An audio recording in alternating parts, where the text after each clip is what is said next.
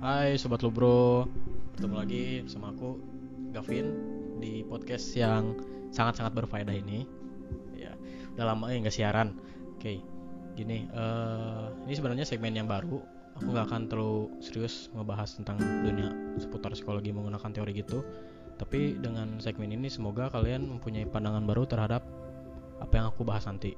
Oke, sekarang di sini aku nggak sendiri, aku sama teman aku ini bisa diperkenalkan diri.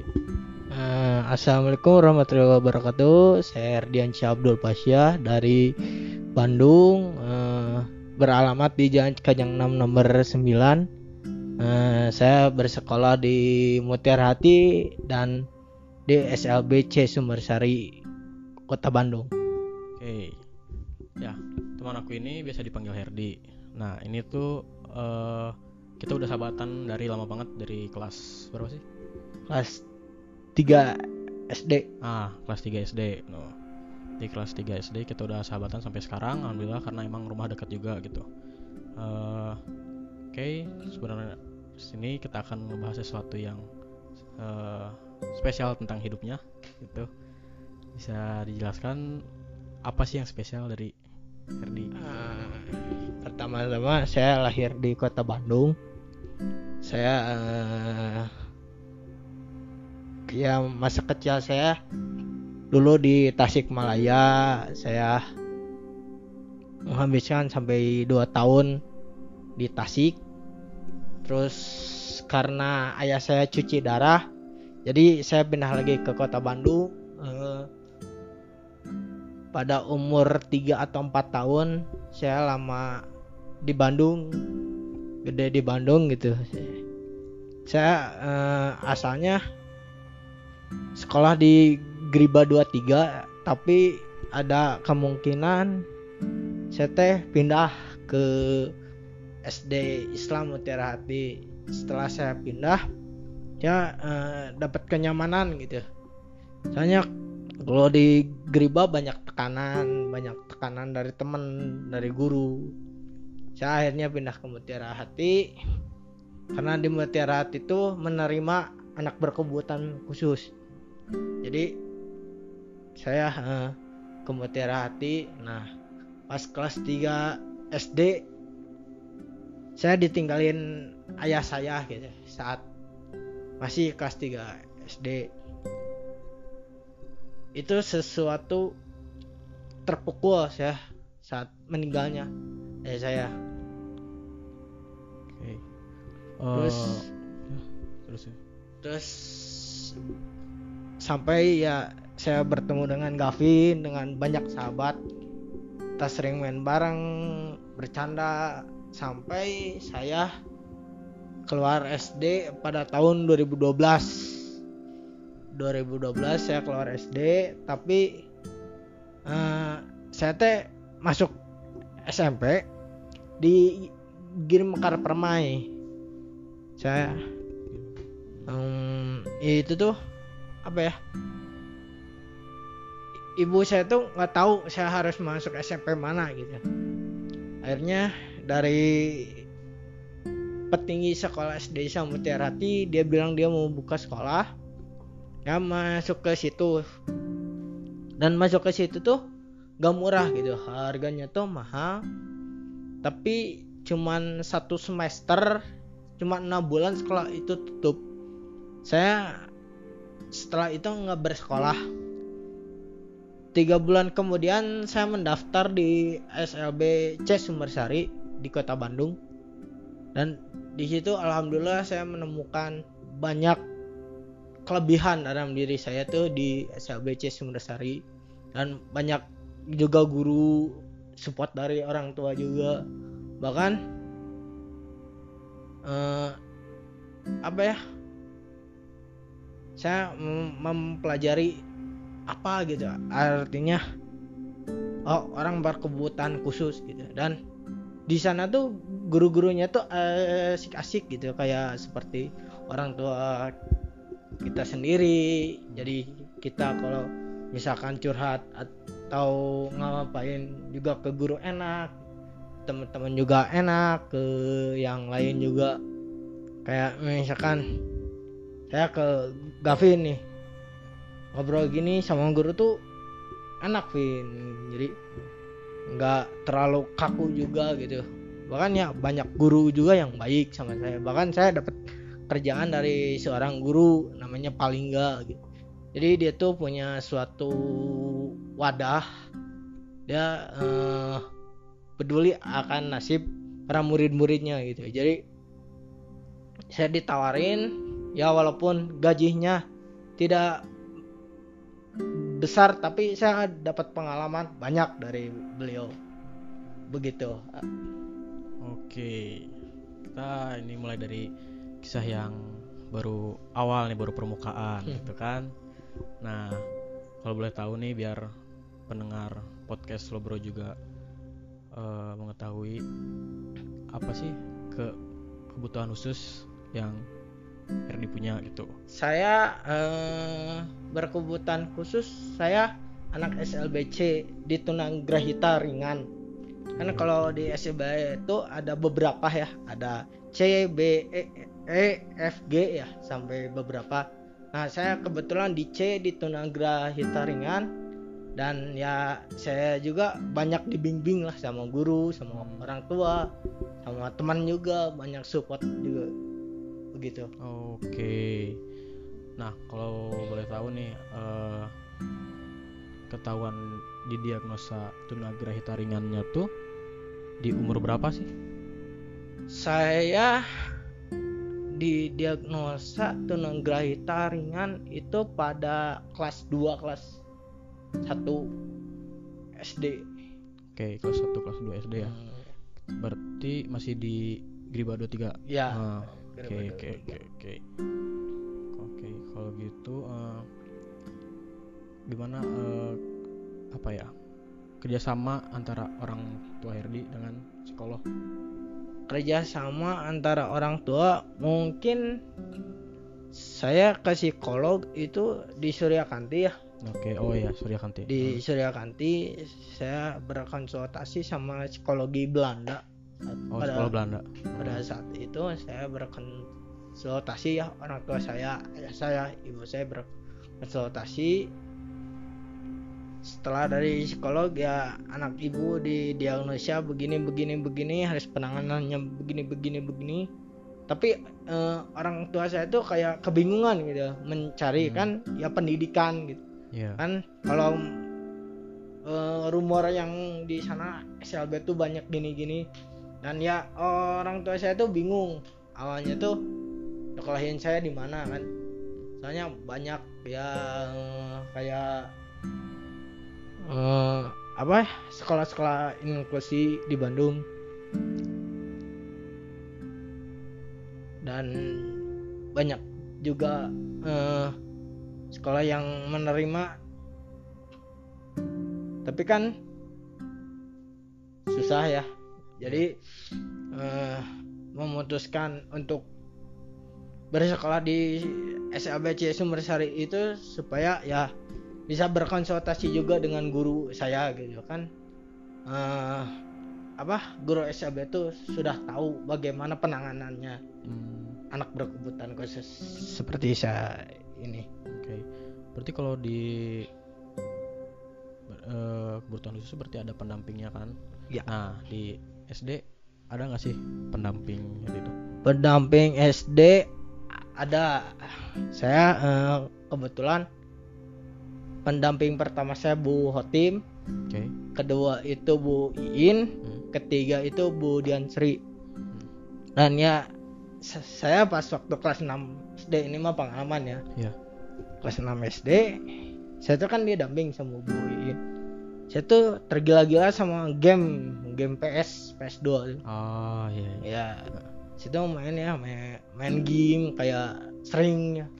saya lupa belajar dan nilai saya tuh drop dan guru pendamping saya bilang kamu mau terus kayak gini kamu kapan lagi nilai udah segini masa kamu nggak mau naik lagi saya di situ nangis sedih saya pikir kata-kata dia Eh, saya rubah bola belajar alhamdulillah sampai kemarin lulus di sekolah juga alhamdulillah Oke, bagus bagus. Tapi ketika katanya kan di Griba 23 tuh ketika sebelum pindah Ya. banyak tekanan gitu Ya. kan. Nah, terus hubungan dengan teman-teman di Mutiara Hati gimana tuh?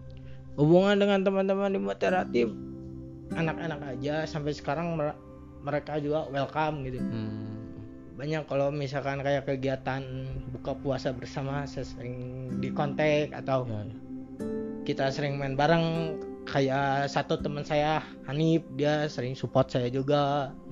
Sering ya kalau cerita apa pun sama dia gitu dari mulai A B C D E F G semuanya saya ceritain sama dia gitu Ya, oh iya nih for your information jadi kita tuh kayak tiga serangkai gitu loh sama satu teman lagi. Jadi ya emang aku sama RD itu dan satu lagi yang namanya Hanif itu emang masih sering main setiap weekend atau emang ada hari libur. Kemarin pun kemarin ya minggu kemarin Minggu kemarin masih main juga gitu. masih main dan sering nginep juga sih gitu. Eh, Oke, Eh, dari kebutuhan khusus yang Herdi apa ya punya, Hmm. eh, gimana sih cara menjadi seorang yang lebih eh, bermanfaat di dunia masyarakat gitu? saya sebenarnya pingin ini mah ya satu kepinginan saya.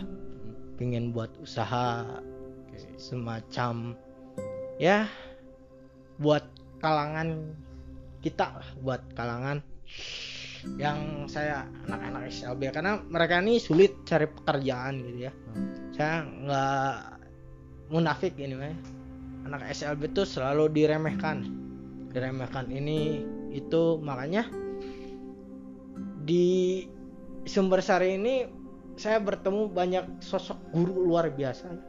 Sangat-sangat luar biasa menyemangatinya bukan hanya menyemangati sebagai anak murid gitu tapi menyemangati seperti adik kakak terus seperti anak sendiri. Bahkan saya sering sih main ke sana sering berbincang.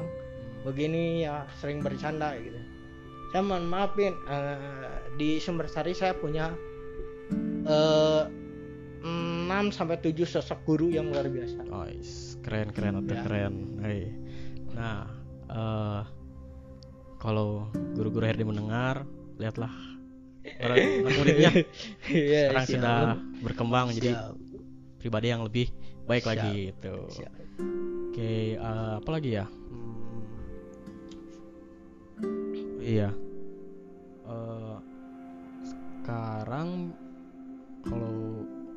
Abodemen ya. Hmm. Mm-mm. Kira-kira mau ada eh, kerja lagi nggak sih di mana gitu kerja di mana?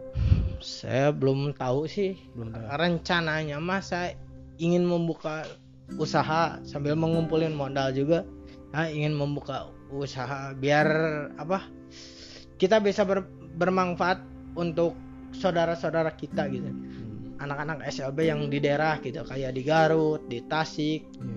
Yang tidak pernah tersentuh atau perhatian gitu, dari banyak orang yang meremehkan anak SLB itu. Tapi saya melihat banyak teman-teman saya juga yang berhasil gitu. Hmm, saya ingin kayak mereka. Gimana caranya? Saya ingin kayak mereka.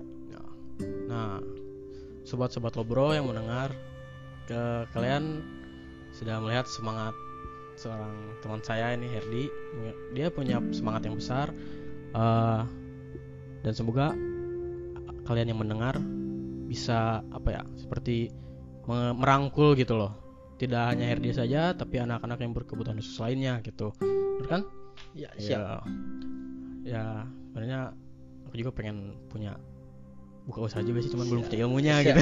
siap Coba itu kan bisa diajak. siap gitu siap kan. siap Oke, siap eh, bincang-bincang kali ini sudah cukupkan. Tapi sebelum ditutup, ada pesan untuk pendengar dari Herdi. Eh, pesan saya untuk para anak-anak disabilitas kawan-kawan saya di mana pun jangan pernah patah semangat turuti apa kata guru kalian karena anak SLB tuh eh, bukan hanya butuh sosok orang tua, tapi butuh sosok guru yang sangat luar biasa. Mereka itu tanpa lelah dan letih untuk mengajar kita. gitu. Jadi pesan saya tra- tetap terus semangat, jangan patah semangat untuk para anak-anak disabilitas di luar sana. Oke, mantap. Semangat, Dax. Oke. Ke nih kalau sebelum penutupan ada kayak jargon gitu. Jargon. Gini. ah, Kalau aku ngomong departemen podcast, nanti kita jawab duar lo bro gitu. Oke. siap. Siap. Satu, dua, tiga. Departemen podcast Duar lo, bro. Bye bye.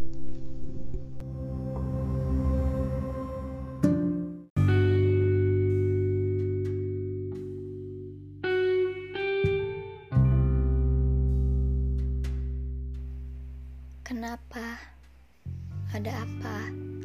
Sini cerita. Jangan dipendem ya. Kamu gak sendirian. Dan juga jangan terlalu dipikirkan. Mereka merendahkanmu. Hei, tenang saja. Percaya tidak? Kamu lebih baik dari apa yang mereka katakan. Hal apa sih yang bisa dibanggakan dari mengejek seseorang? Tidak ada. Tidak ada hal yang bisa dibanggakan dari mengejek seseorang. Lihat, benar kan aku bilang? Kamu hanya perlu percaya diri. Lalu semua kehebatan akan terpancar dalam dirimu. Mereka membicarakanmu. Membicarakan apa tentang fisikmu, badanmu, warna kulit, atau bahkan mereka membicarakan tentang kemampuanmu, keluargamu, statusmu, ya, membicarakan kehidupanmu.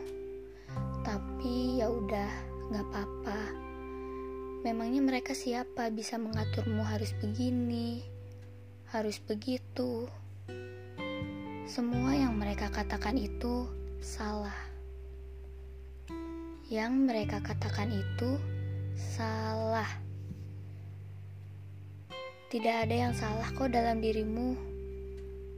Kamu memang akan mendengar ucapan seseorang, karena kita tidak bisa mengontrol mereka.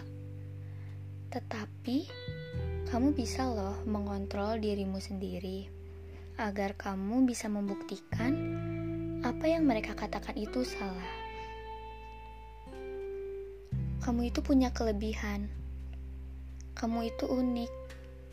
Setiap orang memang punya keunikannya masing-masing, bukan? Dan memang seharusnya kamu menjadi dirimu sendiri. Kamu tidak perlu menjadi orang lain untuk minta diterima oleh orang lain. Teman yang tulus pasti akan menerimamu apa adanya. Syukuri apa yang ada dalam dirimu saat ini. Lihatlah keluar, tataplah langit, nikmati hembusan angin yang damai, dan ingatlah, kamu dilahirkan ke dunia ini dengan penuh cinta, dengan penuh harap. Lebih banyak loh yang mencintaimu dibandingkan mereka yang mencibirmu. Semangat ya. Terima kasih sudah kuat hingga detik ini.